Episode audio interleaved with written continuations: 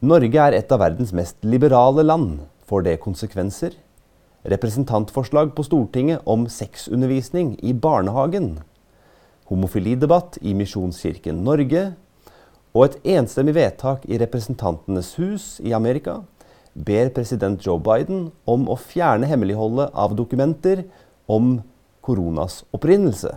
Jeg er Simon Friis Larsen. Dette er Friis Larsen-showet.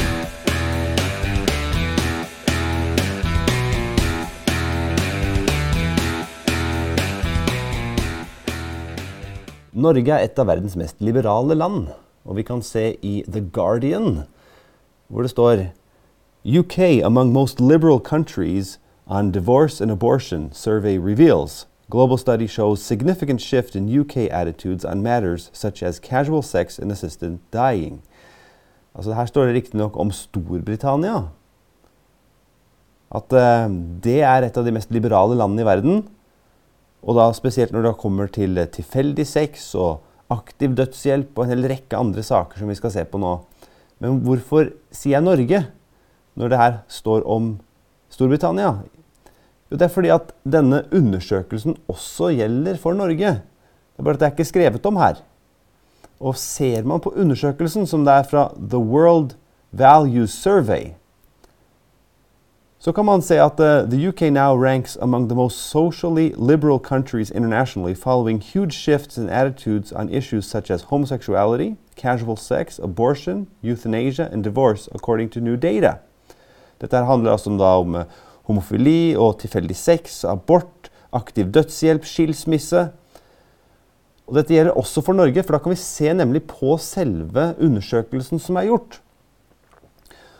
Saken her handla jo da om Storbritannia. Men Norge er jo faktisk da enda mer liberalt enn Storbritannia. Her er da det som er gjort av undersøkelser på dette, og ser man da f.eks.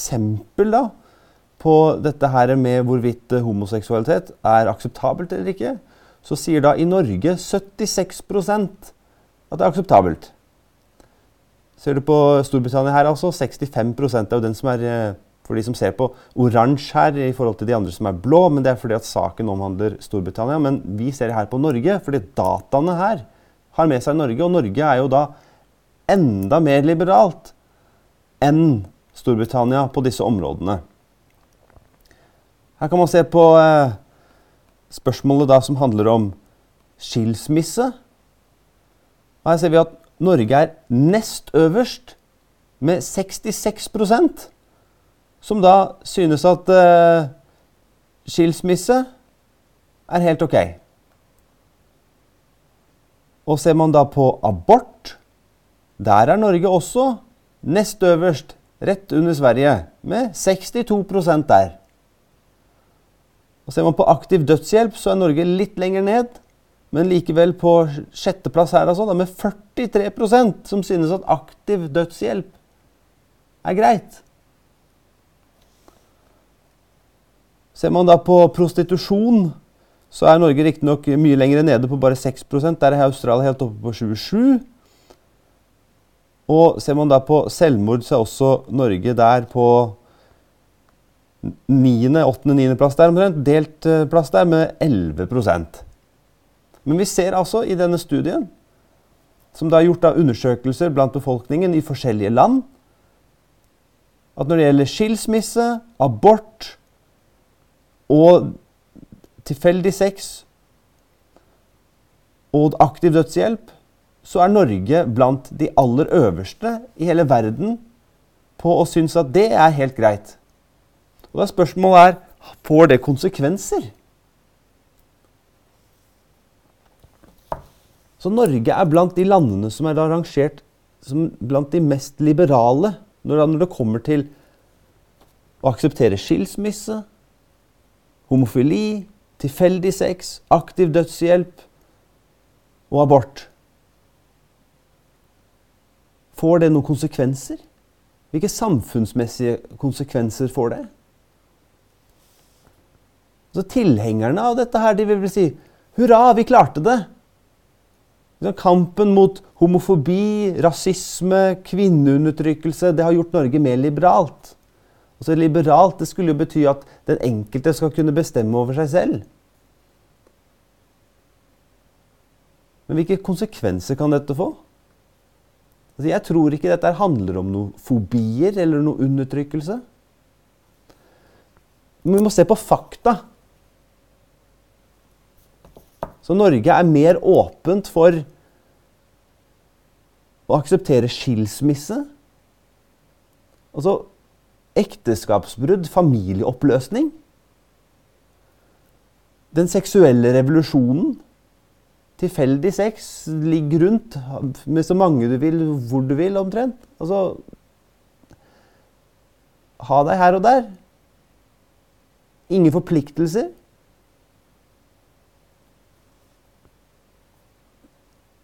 Til og med aktiv dødshjelp. 43% positive. Prostitusjon selger kroppen sin. Og abort. dreper drepe barna dine. Dette her viser Norge er blant de ledende i verden når det gjelder å akseptere det. Være liberal på dette området. Og det anses jo da ikke for å være prisen for liberalisme. Det er ikke det det anses som. Det anses som å være selve hovedtrekket ved det. Altså, det er jo liberalismens belønning. Liberalismens triumf er nå at folk da kan ha meningsløs sex, kan selge kroppene sine, kan drepe barn og forlate familier. Vi klarte det! Golfapplaus.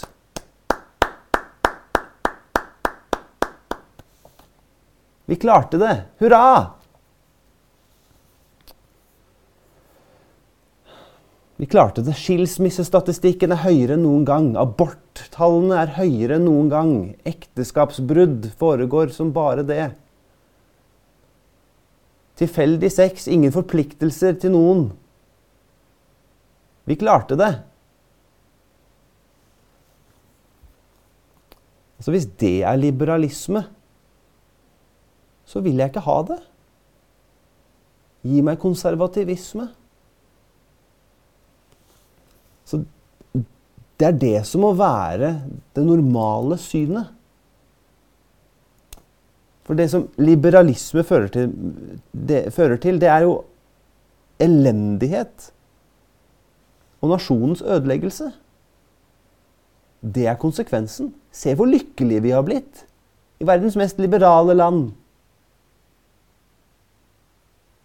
Har ikke blitt det, vet du.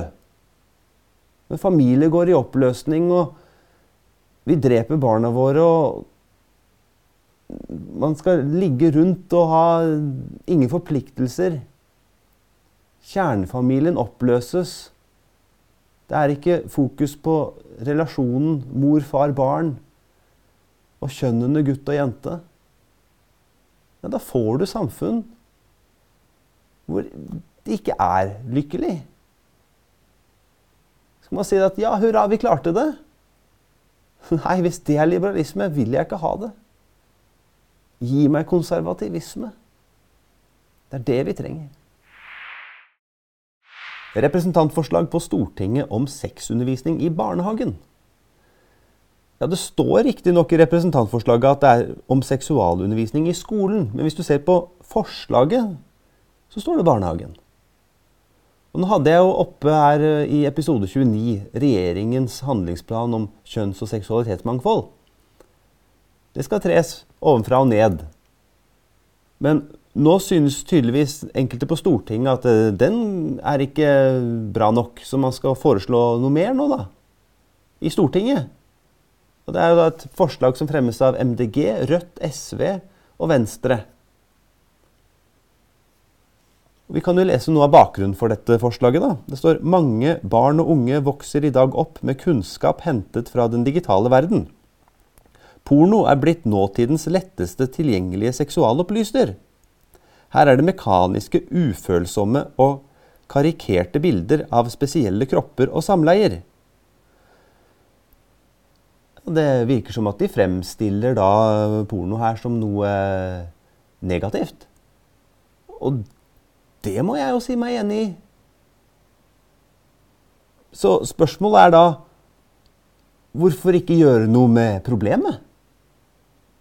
Altså, Hvis problemet er at unge har lett tilgang på pornografi, så stans det, da. Altså, det vi har sett under eh, koronatiltakene og restriksjonene, var at det som angivelig ble ansett for å være feilinformasjon, det ble merka, det ble undertrykka, det ble sperra, det ble blokkert. Brukere som delte det, de fikk kontoene sine stoppa. For angivelig å da ha spredd feilinformasjon. Er det noe vi vet, så er det jo at porno er feilinformasjon.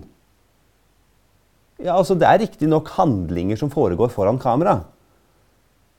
Men det er fake news. Og det går jo disse forslagsstillerne veldig langt på vei i å innrømme og si.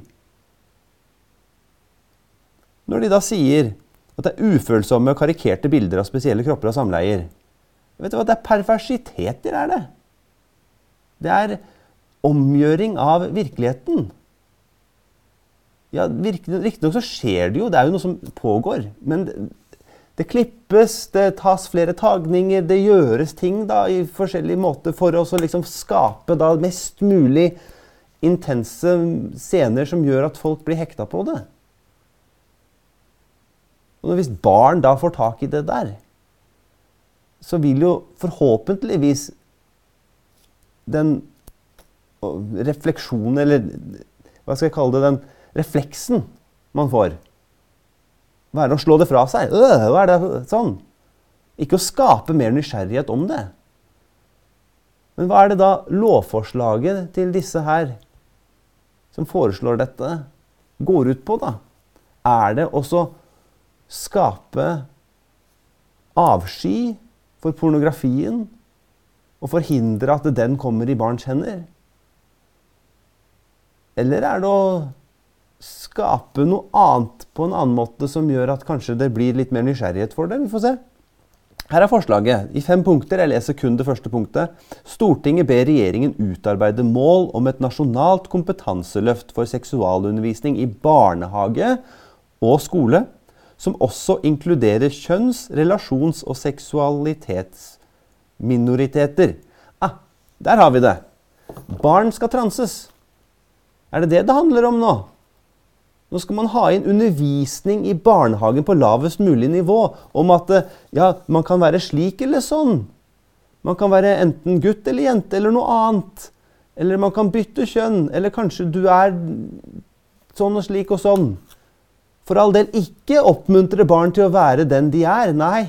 Nei, De må liksom oppdage det og finne ut av ting, og så er de plutselig den de er. Vi skal snu opp ned på alt det vi har lært barn tidligere, da.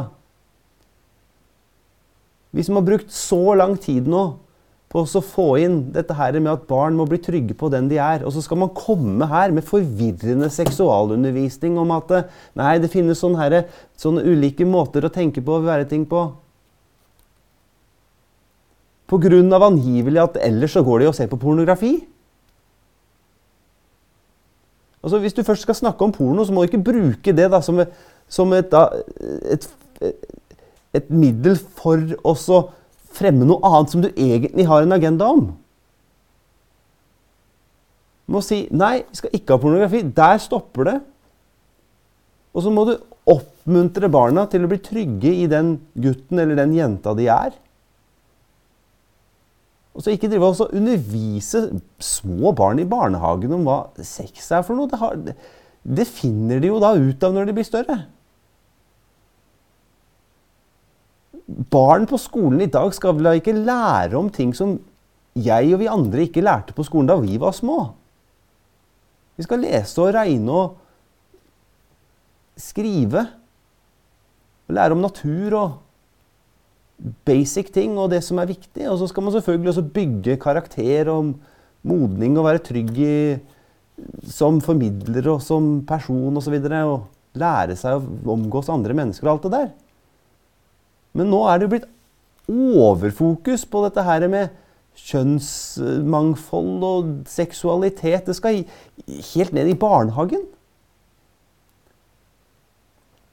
Dette kommer helt uforvarende på foreldre. De aller fleste foreldre veit ikke engang at det er et sånt forslag ute nå. De vet ikke om det før barna kommer hjem og er forvirra og skjønner ikke hva de skal gjøre. Og så skal foreldre da plutselig begynne å akseptere og bekrefte barnet for den de, de påstår at de er. Nei, hjelp heller foreldre til å skape trygge arenaer hvor barn har mindre skjermtid, hvor de ikke har tilgang til pornografi. Du kan sette blokkeringer for det. Og så lar man barn være barn i skole og barnehage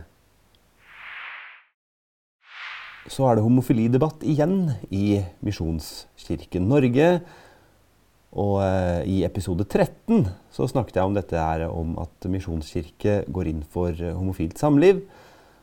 Og eh, nå tas denne saken opp igjen i Misjonskirken.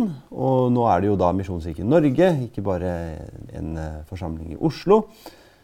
Og um, Det er Verdinytt som melder denne saken, og de sier at uh, homofilidebatten blant pastorene i Misjonskirken Norge denne uken sterk advarsel fra pastor og tidligere generalsekretær avgjørende at vi verken endrer teologi eller ordning.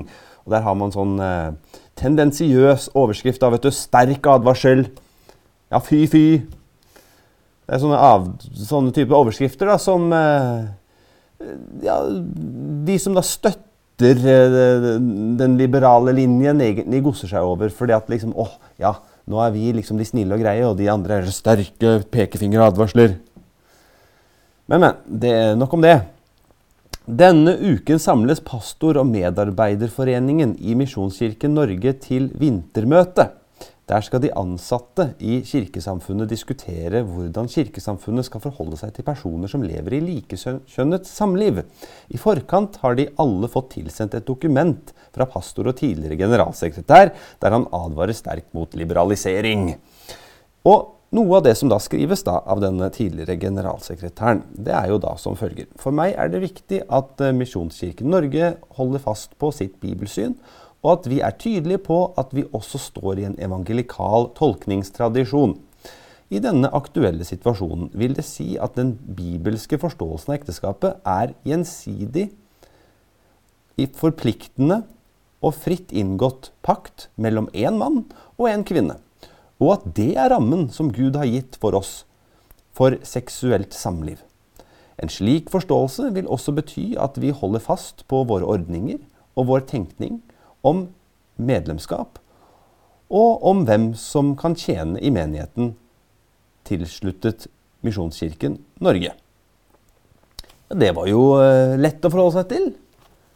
Altså det som da har eh, alltid vært, helt siden mennesker ble skapt, mann og kvinne, skapte han dem. Det er jo det bibelske syn og det sanne syn. Og så skal jo da de som kommer her for fem minutter siden, komme og omkalfatre på dette synet og si at nei, sånn er det ikke. Så skal man altså da legge Guds ord til side og si at nei, Guds ord sier egentlig noe annet. Eller at nei, vi har andre tradisjoner nå, så Guds ord det er liksom bare noe vi skal kunne ta i bruk når vi føler for det. Og så ellers skal vi komme med det som vi mener er riktig i andre sammenhenger. For Man klarer jo ikke å få dette her til å harmonere. Man er nødt for å introdusere ting til Guds ord legge noe til. Og det advarer jo Guds ord imot at vi gjør, da. Skal ikke legge til eller trekke noe fra. Så hvis man er en misjonskirke, så er det jo meningen at man da skal misjonere og fortelle mennesker evangeliet. Evangeliet handler da om Jesus, som da er brudgommen, som da skal hente menigheten, som er sin brud. Så Kristus skal hente bruden. Det er bildet på hele evangeliet. Og hvorfor skal man da introdusere en idé og en tanke som ikke stemmer overens med det Guds ord sier? Jesus kommer ikke tilbake for å hente sin brudgom. Han kommer for å hente sin brud. Og det er bildet på evangeliet. Så en misjonskirke som skal formidle evangeliet, må jo ha ekteskapssynet sitt i orden. Ekteskapet er da mellom en mann og en kvinne. Hvis ikke så er jo evangeliet borte. Evangeliet er Kristus som henter sin brud. Det er et bilde som vi kjenner oss igjen i i ekteskapet mellom en mann og en kvinne. Og da skal vi ikke endre på det. Både fordi at Guds ord sier jo at til mann og kvinne skapte ham dem, og også fordi at Kristus henter sin brud. Er det vanskeligere? Ja, men folk føler slik og sånn. Ja, folk føler slik og sånn. Og det har jo da dette her dokumentet her også da tatt hensyn til, at folk føler slik og sånn. Det er da ingen av oss som fortjener frelsen. Alle er vi jo syndere. Men Jesus, han frelser oss. Vi kan omvende oss fra vår synd. Så kommer Jesus og gir oss sannhetserkjennelse. Vi blir frelst, vi blir tatt imot av Han. Skal vi virke i menigheten da, som medlem, så er vi jo da frelst i Han. Så det er ikke så vanskelig, dette her. Et enstemmig vedtak i Representantenes hus i USA ber nå president Joe Biden om å så fjerne hemmeligholdet omkring dokumenter hvor det står om opprinnelsen til korona.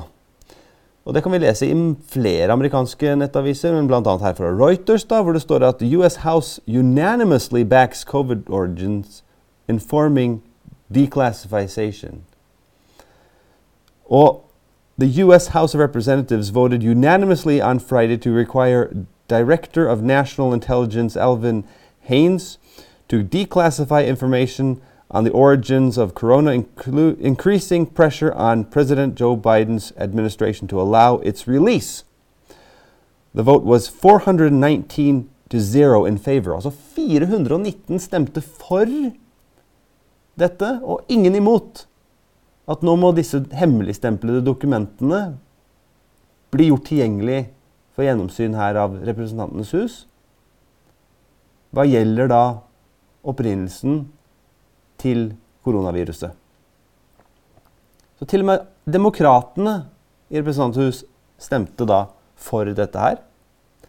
Since the Senate on March 1st passed the bill by unanimous consent, it now goes on to the White House for Biden to sign into law or veto. Og også Senatet, altså det andre kammeret i Kongressen, har også gitt enstemmig votering på dette her. Alle 100 senatorer da, stemte for dette her. Så nå er det kun opp til Joe Biden hvorvidt dette her da skal kunne offentliggjøres eller ikke. Og hvorfor er dette viktig?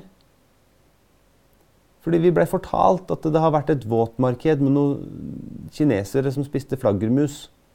Og dermed så har hele verden blitt infisert av et uh, livsfarlig virus som da har gjort at man har eh, laga midlertidige lover som nå blir permanente. Globale krefter som ønsker å ta i bruk uh, digital overvåkning uh, i påskudd av de lovverk som har blitt implementert tidligere tiltak og restriksjoner som har ødelagt livene til mange. Og forretningene til mange. Økonomien. Ja da, derfor er det viktig å vite hva var det som egentlig forårsaka dette her. Var det lekkasje fra laboratorium, enten i uh, Kina eller kanskje et annet sted? Et sted i Europa, kanskje? Eller kanskje i USA? Det veit vi jo ikke. Men det er i mye som tyder på at det har kommet ut av laboratoriet, men at det ikke er naturlig. Og da eh, må man ikke nå bare se bakover. Hva, hva var det som skjedde? Man må, må se fram hva er det som pågår. Fordi disse globale kreftene de ønsker også å utnytte det her for alt det er verdt. For å klare å skape digital ID, digital valuta knytte alt personopplysning til et system hvor man er fanga. Få inn sånne såkalte 15-minuttersbyer som jeg har snakka om i et tidligere program, hvor du da ikke kan bevege deg da, fritt, med mindre du da skal betale noen slags gebyrer. Kan få noen slags klimakvoter personlige som da følger deg overalt. Så du, plutselig skal du begynne å måtte betale for å bevege deg. Du blir lukka inne i ditt eget uh, lille sted. Dette har jeg snakket om i flere programmer. Men altså, Det er det som skjer der fremme. Men det er også viktig å se tilbake hva var det som har skjedd. Hva er det som er riktige opplysninger der? Du må ha to tanker i hodet på en gang, og så må da noen holdes ansvarlig for dette. her. Og Det blir jo spennende å se. Kommer Joe Biden til å slippe det ut? Eller kommer han til å veto på det? Hvis han tar veto på det, da vet vi én ting. Da er det globale krefter i sving som da ikke ønsker at hemmeligholdet skal komme ut. For at da blir det jo noe som skjer dem, kanskje. I Norge er det jo 60 års hemmelighold på uh, hvilke avtaler som ble inngått med tanke på uh, diverse legemidler og sånt som ble kjøpt inn her. Hvorfor har vi hemmelighold på det? Hvorfor kan vi ikke kreve innsyn i det allerede nå? Fordi at vi har stortingspolitikere som ikke våger, som ikke bryr seg om å gjøre det. Derfor. Mens i USA så er det jo tydeligvis kongress i begge kamrene i Kongressen som sier det at nei, vi vil vite dette her. Så er det opp til Biden. da. Vil han slippe det? Vise fram kortene? Eller gjør han det ikke? Hvis han gjør det, ja vel, da får vi se hva er det som er der. Det er ikke sikkert det står noe der som er så veldig Kan hende det er mange flere spørsmål videre. Det forandrer ikke på det, det, som ligger der fremme av disse her eh, globalistiske tingene som skjer. Det må man få stoppa uansett. Med frie og sterke lokalsamfunn som slår nedenfra og oppover. Og folk som reiser seg og sier at nok er nok, vi skal ikke ha dette her, vi vil ha frihet. Eller han kan velge å ikke vise det. Og da veit vi jo at det er globalisme og verdensherredømme det her er snakk om.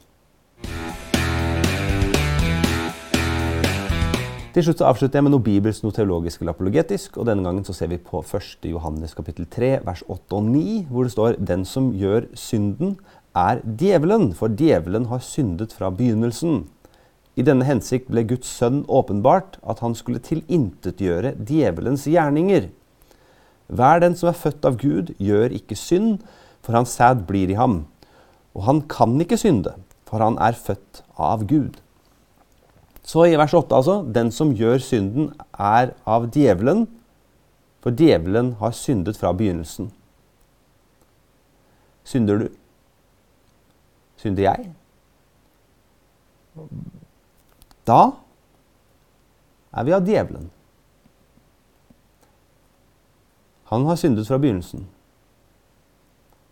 I denne hensikt ble Guds sønn åpenbart at han skulle tilintetgjøre djevelens gjerninger. Hva er det djevelen gjør?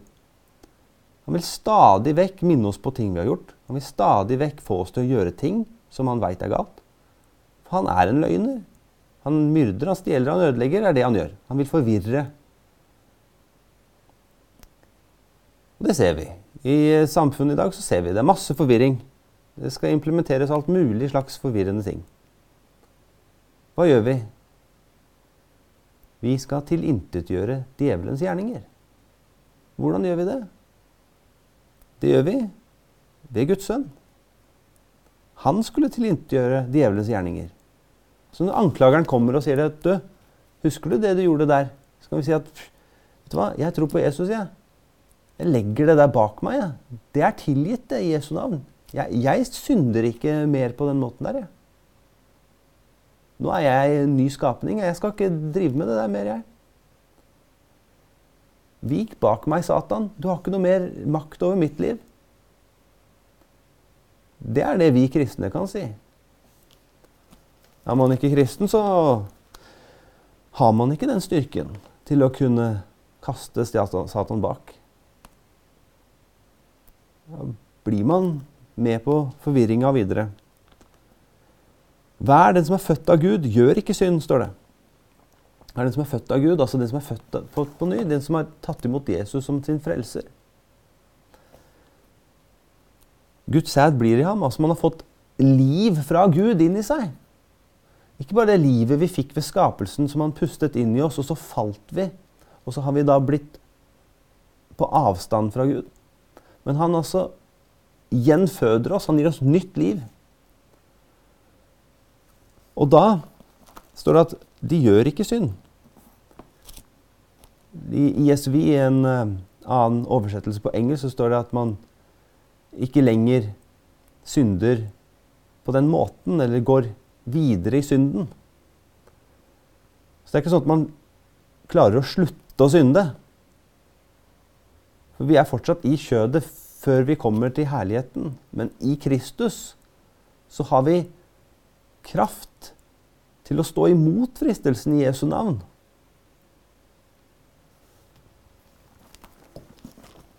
Og så står det at han kan ikke synde, for han er født av Gud. Så da har vi fått et nytt liv.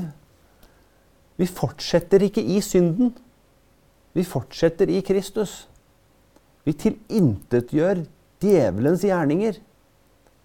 Og det er også veldig viktig at vi gjør i samfunnet. For i samfunnet nå så ser vi djevelens gjerninger. Og skal vi tilintetgjøre djevelens gjerninger, så gjør vi det i troen på Jesus. Og vi tar med oss det inn i politikken. Jeg er Simon Friis Larsen. Dette er Friis Larsen-showet.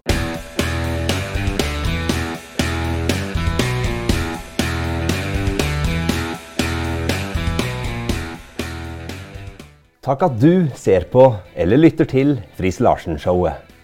I dagens politiske mediebilde så når ikke konservative budskap ut av seg selv. Generisk vekst er best, og det oppnås ved aktiv følging liking og deling.